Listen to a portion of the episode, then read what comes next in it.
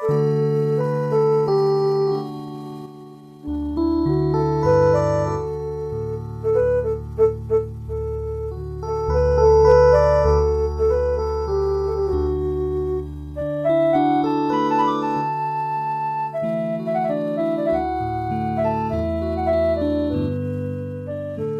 ះវិទ្យុសំឡេងមេត្រីភាពផ្សាយចេញពីវិទ្យុ Adventist ពិភពលោក នាងខ្ញុំ Erica Pha ហើយខ្ញុំ John Prisley Pha សូមគោរព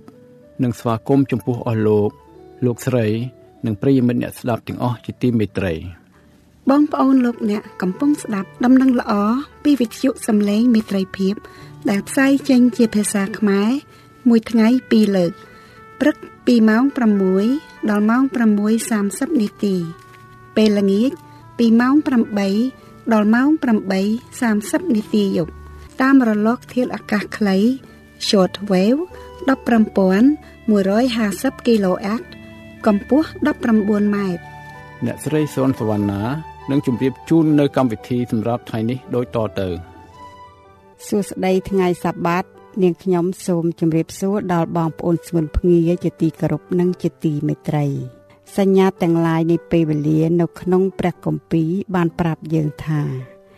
យើងបានមកដល់ចុងសករាជហើយ ពាក្យនេះក៏ជាវេវចនៈស័ព្ទនិងពាក្យថាព្រះយេស៊ូវចិត្តយើងត្រឡប់មកវិញហើយព្រះគម្ពីរម៉ាថាយជំពូក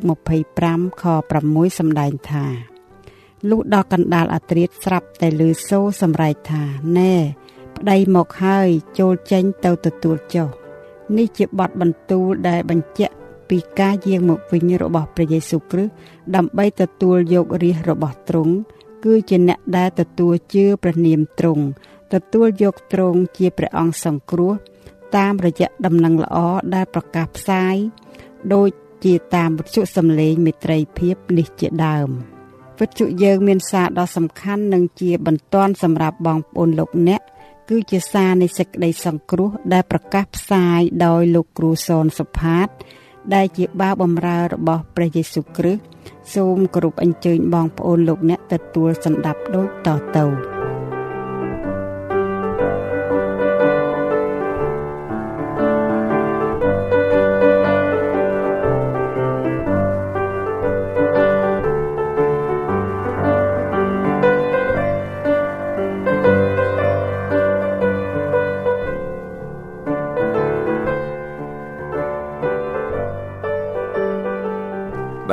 សួរបងប្អូនសួស្តីថ្ងៃសបា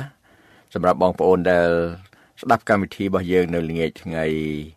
សុក្រនោះគឺជាការចាប់ផ្ដើម នៅថ្ងៃបរិសុទ្ធគឺថ្ងៃសបាដូច្នេះខ្ញុំសូមអទានថាសួស្តីថ្ងៃសបាដល់បងប្អូនទាំងអស់គ្នាបាទថ្ងៃនេះវិទ្យុសំឡេងមន្ត្រីភាពចូលរួមនឹងបងប្អូននៅក្នុងកម្មវិធីថ្វាយបង្គំព្រះ តាមរយៈសេចក្តីអធិប្បាយខ្លីៗ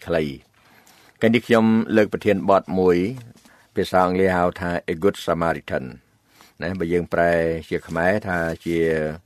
សាសសាមរីម្នាក់ដ៏ប្រពៃហើយនៅក្នុងនេះគឺយើងដកស្រង់ចេញពីព្រះគម្ពីរលូកាជំពូក10បាទជំពូក10យើងមើលសាច់រឿងហ្នឹងគឺមានតាំងពីខ25រហូតទៅដល់ខ37អរគុណព្រះអង្គបងប្អូនលោកអ្នកមុនយើងចាប់ផ្ដើមមើលបទបន្ទូលរបស់ព្រះអង្គគឺខ្ញុំសូមជើញបងប្អូនសង្រួមកាយដើម្បីទិដ្ឋានសូមរពោពីព្រះជាម្ចាស់ អូព្រះវរបិតាជាព្រះនិទុំគុំដែលគង់នៅឋានសួគ៌ទុំគុំសូមអរគុណព្រះអង្គនៅថ្ងៃនេះទុំគុំសូមយាងព្រះវិញ្ញាណបរិសុទ្ធរបស់ព្រះអង្គគង់សន្តិដ្ឋជាមួយបងប្អូនជាមួយទុំគុំទាំងអស់គ្នាហើយក៏សូមទ្រង់បានបើកសម្ដែងឲ្យទុំគុំបានយល់អំពីប្រធានបទដ៏សំខាន់អំពីសាសសាមរីដល់ដល់ប្រពៃម្នាក់ ហើយទុំគុំក៏សូមអធិដ្ឋានសូមព្រះជាម្ចាស់បានប្រទានពរឲ្យទុំគុំបានយល់អំពីប្រហាទីរបស់ផងទ្រង់ហើយនឹងផែនការសង្គ្រោះទុំគុំសូមអធិដ្ឋានដល់នៅព្រះនាមព្រះអង្គចាស់ព្រះយេស៊ូវគ្រីស្ទអាមែននៅក្នុងការអធិប្បាយនេះយើងនាំគ្នាបើកទៅព្រះគម្ពីរលូកាជំពូក10បងប្អូនលោកអ្នកយើងមើលពីខ25នៅនៅគ្រានោះមានអ្នកប្រាជ្ញច្បាប់ម្នាក់ឈួរឡើងទូលលបងទ្រង់ថាលោកគ្រូតើត្រូវឲ្យខ្ញុំធ្វើដូចម្ដេច ដើម្បីឲ្យបានជីវិតអស់កលជានិច្ចទ្រង់មានបន្ទូលឆ្លើយថាក្នុងក្រឹតវិន័យតើមានកត់ទុកយ៉ាងដូចម្ដេចខ្លះតើអ្នកមើលយល់ដូចម្ដេចអ្នកនោះទូលថាឯងត្រូវស្រឡាញ់ព្រះអង្គម្ចាស់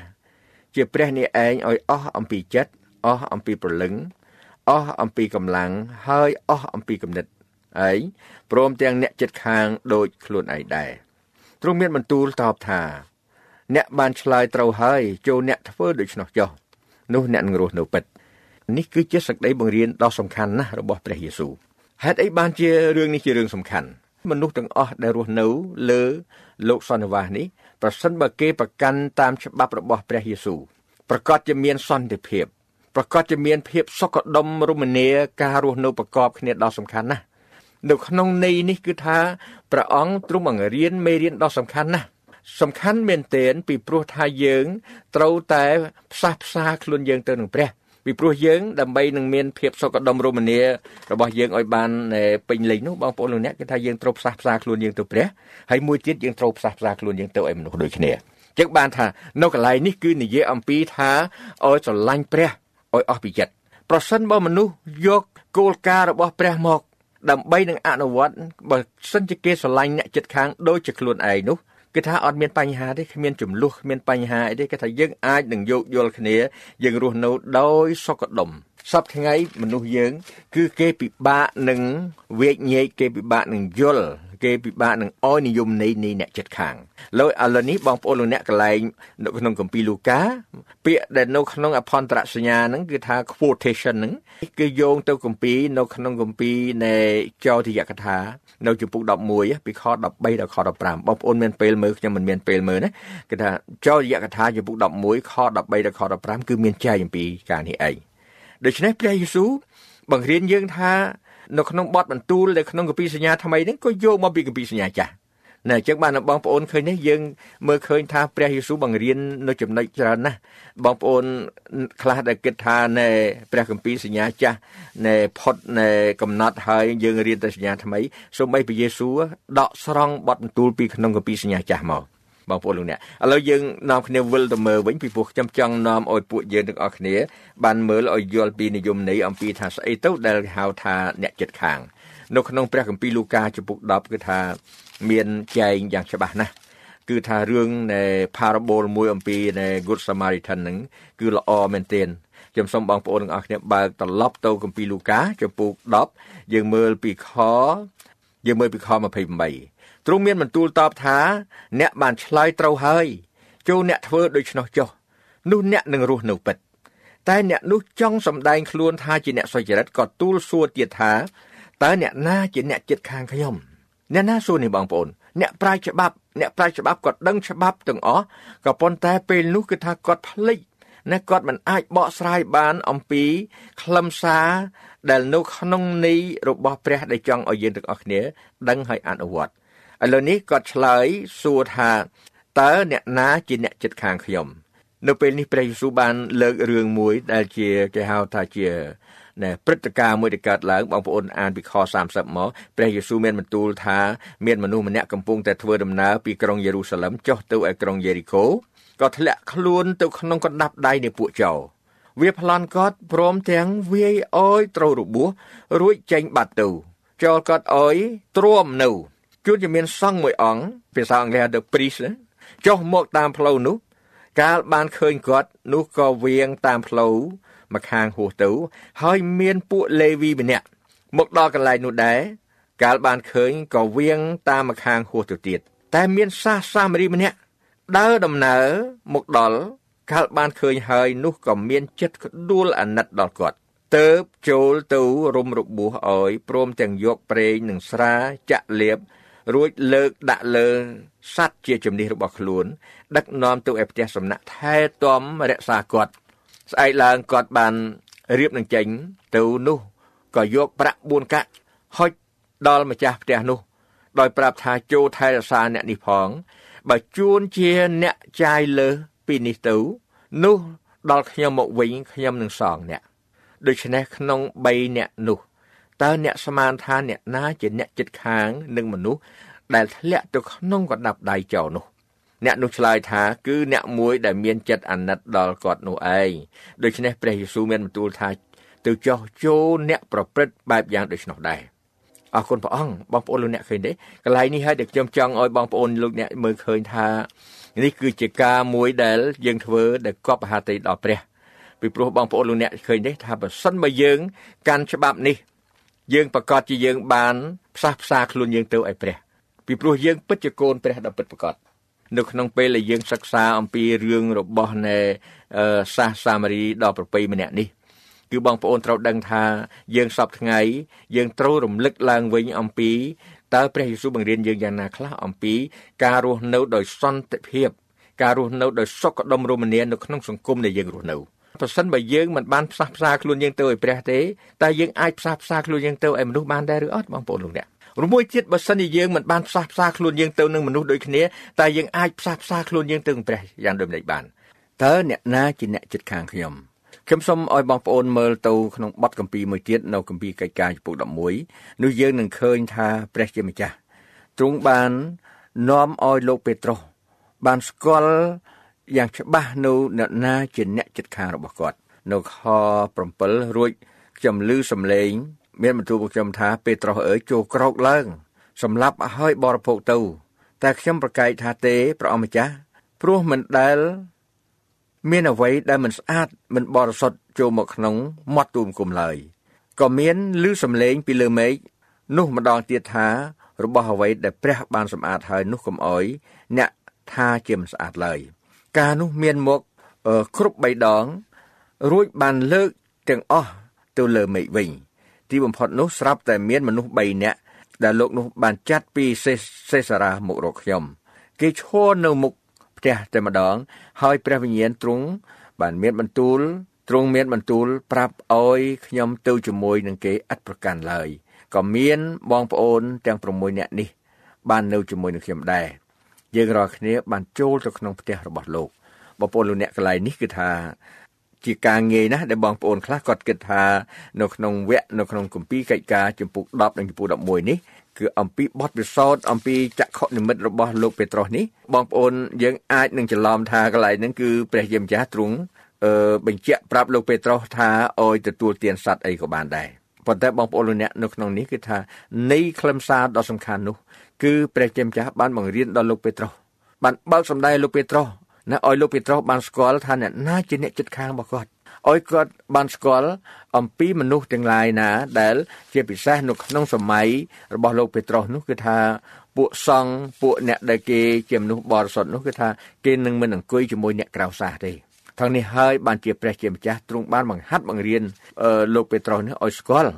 ណាឲ្យស្គាល់ថាមនុស្សទាំងអស់សុទ្ធតែជា មនុស្សល្អនៅចំពោះព្រះទាំងអស់បងប្អូនលោកអ្នកនៅគម្ពីរកិច្ចការចំពុក10ខ28រួចគាត់និយាយទៅគេថាអ្នករាល់គ្នាដឹងថាមនុស្សសាសយូដាគ្មានច្បាប់នឹងសែបគប់នឹងសាសដទៃទេឬនឹងចូលទៅចិត្តគេឡើយតែព្រះទ្រង់បានសម្ដែងឲ្យខ្ញុំដឹងថាមិនត្រូវរាប់អ្នកណាថាជាមិនស្អាត ឬមិនបរិសុទ្ធឡើយ ព្រះយេស៊ូវមានព្រះបន្ទូលជាសក្តីបង្រៀនជាការអធិប្បាយដ៏វែងណាស់នៅលើភ្នំគេថាតាំងពីនៅក្នុងគម្ពីរម៉ាថាយពុក5បងប្អូនលោកអ្នកមើលជាមួយខ្ញុំបងប្អូនមើលគ្រាន់តែចាប់ផ្ដើមមើលនៅក្នុងខចំពុក5ខ9យើងឃើញថាបទបន្ទូលចែងថាមានពោះហើយអស់អ្នកដែលផ្សះផ្សាគេតែបាត់អ្នកទាំងនោះនឹងបានហៅថាជាកូនព្រះអ្នកផ្សះផ្សាគេបងប្អូនមើលនៅក្នុងគម្ពីរម៉ាថាយចំពុក5ដដែល យើងមើលមកខ23ដូច្នេះបើកាលណាអ្នកនាំយកដង្វាយមកដល់អាសនា ហើយនៅទីនោះអ្នកនឹងឃើញថាបងប្អូនណា មានហេតុអ្វីទាស់នឹងអ្នកនោះត្រូវទុកដង្វាយរបស់អ្នកនៅមុខអាសនា ហើយទៅរកជានឹងបងប្អូនជាមុនសិន រួចសឹមមកថ្វាយដង្វាយអ្នកចុះចូលឲ្យអ្នកជាស្រស់ស្រួល និងអ្នកដើមចោត វិញជាប្រញាប់ដែលកំពុងតែដើរទៅតាមផ្លូវជាមួយគ្នាក្រែងគេបញ្ជូនអ្នកទៅឯចៅក្រមហើយចៅក្រមនឹងបកគលអ្នកទៅដល់នាយភូខុមរួចអ្នកត្រូវជាប់គុកបងប្អូនលោកអ្នកឃើញទេដូច្នេះបើយើងមើលឃើញចំណុចទាំងអស់នេះយើងដឹងថាព្រះយេស៊ូវបានបង្រៀននៅគោលការណ៍ដ៏សំខាន់ណាស់អំពីការដែលយើងចេះអត់អន់ឲ្យគ្នាទៅវិញទៅមកណាមនុស្សយើងសពថ្ងៃបើយើងនឹករលឹកទៅឯក្រាច់វិន័យដែលព្រះយេស៊ូវបានបង្រៀនណាយើងប្រកាសជាមានសេចក្តីសុខសាន្តណាស់ ណាសង្គមយើងនឹងមានការរីកចម្រើនហើយណាមួយទៀតគឺថាបងប្អូនគឺថាយើងកាលណាជាអ្នកជឿព្រះគឺថាយើងតែងតែរស់នៅដោយគោរពច្បាប់នៃយើងចោះចូលជាមួយនឹងនៃរាជការយើងចោះចូលជាមួយនឹងអញ្ញាធម៌របស់យើងដូច្នេះហើយគឺថាយើងអត់មានបញ្ហាទេបងប្អូនលោកអ្នកនឹងគឺថាចំណុចដែលសំខាន់ដែលខ្ញុំចង់ឲ្យបងប្អូនទាំងអស់គ្នាមើលតង់ថាយើងត្រូវតែយើងចេះសម្រុះសម្រួលយើង ទៅជាមួយនឹងបងប្អូនយើងគឺព្រះប្រទានឲ្យជាមួយគាត់ថាឲ្យយើងស្រឡាញ់គ្នាទៅវិញទៅមកអ្នកចិត្តខាងយ៉ាងណា នៅក្នុងការដែលយើងប្រព្រឹត្តបងប្អូនលោកអ្នកក្រុមជំនុំរបស់យើង គឺជាកន្លែងមួយសម្រាប់នឹងផ្សាយសេចក្តីសង្គ្រោះផ្សាយសេចក្តីមេត្តាករុណារបស់ព្រះទៅដល់សហគមន៍ដល់បងប្អូនដែលរស់នៅជិតខាងដូច្នេះមនុស្សទាំងអស់គឺថាដែលរស់នៅលើផែនដីនេះគាត់មានជំនឿបែបណាគាត់មានលក្ខណៈបែបណាគឺថាគាត់សុទ្ធតែជាកូនព្រះទាំងអស់ បងប្អូនមើលយើងគ្រាន់តែគិតមើលថាព្រះប្រទានបង្អោទឹកភ្លៀងមកតើព្រះនឹងកំណត់ថាឲ្យតែមនុស្សនៃជារាជរបស់ព្រះអង្គជាអ្នកបរិសុទ្ធបានទទួលឬក៏ឲ្យមនុស្សទាំងអស់ថាឲ្យមនុស្សទាំងអស់អត់មានរើសអើងទេបងប្អូនណាក៏អាចទទួលបានប្រពោះមកពីព្រះទាំងអស់គ្នានេះខ្ញុំគ្រាន់តែលើកនៃជាចំណុចមួយសំខាន់សម្រាប់បងប្អូនទាំងអស់គ្នាឲ្យដឹងថានៅក្នុងក្រុមជំនុំរបស់យើងគឺថាយើងត្រូវតែផ្សះផ្សាខ្លួនយើងទៅឲ្យព្រះ ផ្សះផ្សាខ្លួនយើងទៅឲ្យព្រះយ៉ាងណាបងប្អូនលោកអ្នកខ្ញុំចង់ឲ្យបងប្អូនបើកទៅមើលព្រះគម្ពីរមួយនៅក្នុងគម្ពីរកូរិនថូសខ្សែទី2ចំពុក5កូរិនថូសខ្សែទី2ចំពុក5នៃខ20បងប្អូនលោកអ្នកយើងមើលជាមួយគ្នានៅទំព័រ1497ដូច្នេះយើងខ្ញុំជាទូតតំណាងព្រះគ្រីស្ទហាក់ដូចជាព្រះទ្រង់អង្វរដោយសារយើងខ្ញុំ គឺយើងខ្ញុំអង្វរគេជំនួសព្រះគ្រីស្ទថាចូលឲ្យបានជាមេត្រីនឹងព្រះចុះកន្លែងនេះបងប្អូនលោកអ្នកគឺថាភាសាអង់គ្លេសថា reconcile to God reconcile to God គឺឲ្យយើងផ្សះផ្សាទៅនឹងព្រះអង្គវិញដូច្នេះរឿងមួយសំខាន់មួយទៀតដែលបងប្អូនយើងបើបងប្អូនជាអ្នកគ្រីស្ទានហើយគឺថាយើងកុំភ្លេចគឺយើងត្រូវផ្សះផ្សាទៅឲ្យព្រះអង្គម្ចាស់ ហើយបងប្អូនទាំងអស់គ្នាដឹងទេថាហេតុអីបានជាយើងទាំងអស់គ្នាត្រូវតែផ្សះផ្សាទៅជាមួយនឹងព្រះអង្គបងប្អូនលោកអ្នកយើងមើលនៅគម្ពីរកូរិនថូសខ្សែទី2ចំពុក5ដដែលយើងមើលខ17បានជាបើអ្នកណានៅក្នុងព្រះគ្រីស្ទនោះឈ្មោះថាបានកើតជាថ្មីហើយអស់ទាំងសេចក្តីចាស់បានកន្លងបាត់ទៅហើយមើលគ្រប់ទាំងអស់បានត្រឡប់ជាថ្មីវិញគ្រប់ទាំងអស់ក៏មកពីព្រះ ដែលទ្រង់បានផ្សះផ្សាយើងនឹងព្រះអង្គទ្រង់ដោយសារព្រះយេស៊ូវគ្រីស្ទហើយបានប្រទានការងារផ្សះផ្សានោះមកយើងខ្ញុំដែរគឺពីដំណើរដែលព្រះទ្រង់គង់ក្នុងព្រះគ្រីស្ទកំពុងផ្សះផ្សាលោកីនឹងព្រះអង្គទ្រង់ឥតប្រកាន់ទោសគេទៀតហើយទ្រង់បានប្រគល់ព្រះបន្ទូលគឺជាការផ្សះផ្សានោះមកយើងខ្ញុំ។ បងប្អូនលោកអ្នកឃើញនេះដូច្នេះយើងឃើញថាការដែលផ្សះផ្សាដំបូងផុតគឺយើងមកពីព្រះព្រះបានរាប់យើងទាំងអស់គ្នាណែស្រឡាញ់យើងទាំងអស់គ្នាទទួលយើងទាំងអស់គ្នាតាំងតែយើងនៅជាមនុស្សមានបាបហើយឥឡូវនេះកាលណាយើងបានទទួលការអត់អន់ទោសពីព្រះហើយគឺយើងត្រូវតែនាំសារនៃការផ្សះផ្សានោះយើងគឺជាទូតរបស់ព្រះគ្រីស្ទ បងប្អូនលោកអ្នកដូច្នេះខ្ញុំសូមឲ្យបងប្អូនយើងពិចារណាមើលនៅក្នុងបទបន្ទូលនៅថ្ងៃនេះដែលថាតើអ្នកណាជាអ្នកចិត្តខាងរបស់យើងតើព្រះយេស៊ូវបង្រៀនយើងអ្វីខ្លះអំពីការរស់នៅដោយសន្តិភាពនិងការរស់នៅដោយសុខដុមរមនានៅក្នុងសង្គមដែលយើងរស់នៅបងប្អូនលោកអ្នកឃើញទេគឺថាក្រុមជំនុំសវនកម្មទីរបស់យើងបងប្អូនលោកអ្នកបើសិនជាមានពេលបងប្អូនអាចបើកទំព័រ នៅនៅ website ទៅមើលឃើញដែរគឺដែលយើងរស់នៅក្នុងសង្គមនេះដែលព្រះជាម្ចាស់បានត្រាស់បង្គាប់ថាឲ្យយើងស្រឡាញ់អ្នកចិត្តខាងដូចនៅខ្លួនឯងយើងគួរតែធ្វើជាអ្នកនៃ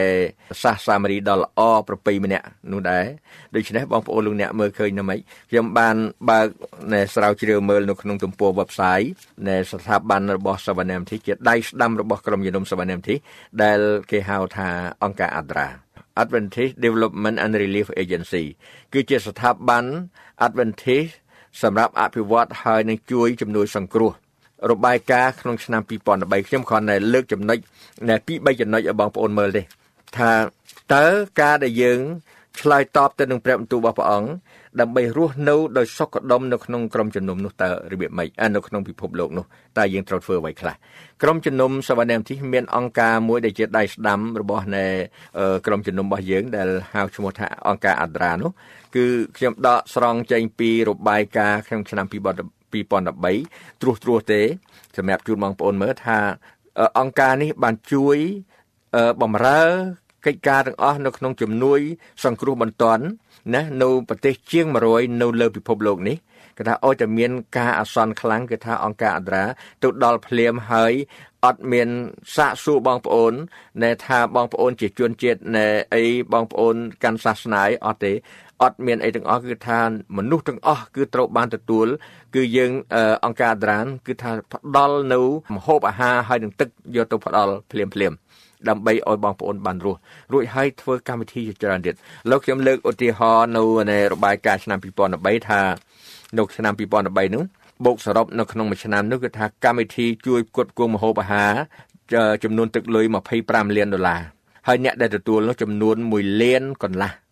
ណែមនុស្ស1លានកន្លះបានទទួលនៅកម្មវិធីនៃម្ហូបអាហារនោះមួយទៀតនិយាយអំពីកម្មវិធីខាងសុខភាព គឺចំណាយលុយ22លានដុល្លារដែលជួយដល់មនុស្សដែលបានទទួលចំនួន3លាន6សែននាក់ឥឡូវនិយាយពីការផ្គត់ផ្គង់ទឹកនៅក្នុងឆ្នាំនេះសម្រាប់អ្នកដែលមានត្រូវការសង្គ្រោះបន្ទាន់នោះ ទឹកចំនួន15លានដុល្លារកន្លះ15លានកន្លះហើយអ្នកដែលបានទទួលចំនួនជិត1លានអ្នកនៅក្នុងកម្មវិធីមួយទៀតដូចជាកម្មវិធីខាងផ្នែកផ្ដល់នៅឱកាសសម្រាប់ខាងសេដ្ឋកិច្ច ចំណាយប្រាក់នៅក្នុងឆ្នាំនោះអស់18លានអ្នកហើយអ្នកដែលបានទទួលនោះមានប្រហែលជា7សែនអ្នកវិស័យអប់រំគឺថាអង្គការអន្តរនេះជួយចំណាយលុយ20លានដុល្លារអ្នកដែលទទួលនោះចំនួន2លានអ្នកបាទឥឡូវយើងមើលចំណុចមួយទៀតថងថាពេលណាមានគ្រោះអាសន្នមកដល់នោះគឺថា អង្គការនេះនៅក្នុងឆ្នាំ2013នោះបានផ្គត់ផ្គង់ជំនួយទាំងអស់ជាទឹកលុយ30លានដុល្លារហើយអ្នកដែលបានទទួលនោះគឺថាចំនួន4លាន1សែនអ្នក ដែលបានទទួលហើយបន្ទាប់មកទៀតមកគឺថាបន្ទាប់ពីខ្យល់ព្យុះពីទឹកជំនន់អីខ្លាំងមកនឹងហើយនៅជួយសង្គ្រោះសម្រាប់នៃទប់ទល់ជាមួយនឹងសុខភាពពីរឿងរោគឆ្លង ដែលកាច់សាហាវនោះដូចជានៅសេរ៉ាលីអននៅប្រទេសលីបេរីយ៉ាជាដើមហ្នឹងគឺចំណាយលុយ30លានដុល្លារហើយមនុស្សដែលបានទទួលនោះ4លាន1សែននាក់នេះខ្ញុំលើកឧទាហរណ៍ខ្លីមួយជូនបងប្អូនថា នេះគឺជាគំរូមួយ របស់ក្រុមជំនុំរបស់យើង ដែលយើងបានដើរតាមការត្រាស់បង្គាប់របស់ព្រះយេស៊ូវដែលថាឲ្យយើងជួយដល់អ្នកដែលគ្នាមិនសូវមានឱកាសដល់អ្នកក្រីក្រហើយឥឡូវនេះគឺថាយើងឃើញថាយើងបានធ្វើដូច្នេះមែននេះហើយគឺថាជាសកម្មភាពមួយដ៏សំខាន់ណាស់ដែលយើងទាំងអស់គ្នាមិនអាចគ្រាន់តែយើងនិយាយនៅក្នុងតែទ្រឹស្ដីទេគឺថាយើងត្រូវតែអនុវត្ត ណានៅក្នុងភាពសុខដុមរបស់យើងណាបើសិនជាអ្នកចិត្តខាងយើងគាត់មានការខ្វះខាតដល់យើងជួយដែរបើសិនជាយើងមិនបានជួយគាត់ទេថាអសូមព្រះប្រទានពរឲ្យអ្នកទៅហើយគ្នានៅតែអត់ដដែលដូច្នេះហើយបានខ្ញុំសូមអញ្ជើញបងប្អូនទាំងអស់គ្នាថាយើងត្រូវតែអនុវត្តនៅក្រឹតវិន័យ នៃគេហៅថាការបត់បន្ទូលរបស់ព្រះយេស៊ូវដែលបាន មានព្រះបន្ទូលនៃមកកាន់យើងទាំងអស់គ្នានឹងគឺថាមានអឺលក្ខណៈពិសេសណាស់ដែលព្រះអង្គទ្រង់ត្រាស់បង្គាប់ឲ្យយើងគឺថាយើងចេះរស់នៅយើងជាអ្នកដែលស្ថាបនានៅសន្តិភាព យើងជាអ្នកស្រឡាញ់អ្នកចិត្តខាងខ្លួនដូចជាខ្លួនយើងខ្ញុំសូមបញ្ចប់ដោយអាននៅបទបន្ទូលមួយដែលក្នុងកាពីរ៉ូមចំពុក12 ខ14ថាចូលសូមពរឲ្យដល់អ្នកណាដែលបៀតបៀនអ្នកចូលសូមពរចុះកុំអោយប្រតិចផ្ដាសាឡើយខ15ចូលអសបាយជាមួយនឹងអ្នកណាដែលអសបាយហើយយំជាមួយនឹងអ្នកណាដែលយំផងចូលឲ្យមានគំនិតព្រមព្រៀងគ្នាទៅវិញទៅមកកុំឲ្យមានគំនិតឆ្មើឆ្មៃសោះឡើយគឺត្រូវភពប្រសពនឹងមនុស្សរៀបសារវិញកុំឲ្យទុកចិត្តនឹងខ្លួនថាមានបញ្ញាឲ្យសោះសូមព្រះជាម្ចាស់ប្រទានពរបងប្អូនទាំងអស់គ្នាជាបរិបូរណ៍អាមែន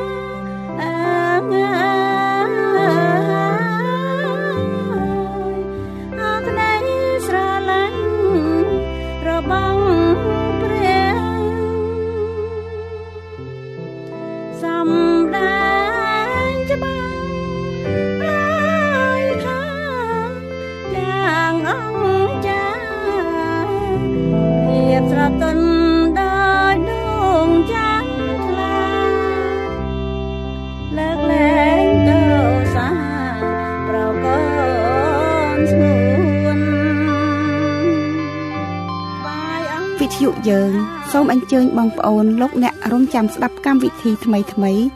និងដំណឹងល្អនៃសេចក្តីសង្គ្រោះពីព្រះយេស៊ូវគ្រីស្ទជាព្រះអង្គសង្គ្រោះដែលទ្រង់នឹងយាងមកវិទ្យុយើងសូមថ្លែងអំណរគុណដល់បងប្អូនលោកអ្នកដែលបានយកចិត្តទុកដាក់ស្ដាប់កម្មវិធីយើងខ្ញុំនៅថ្ងៃនេះសូមព្រះជាម្ចាស់ប្រទានព្រះពរជាបរិបូរណ៍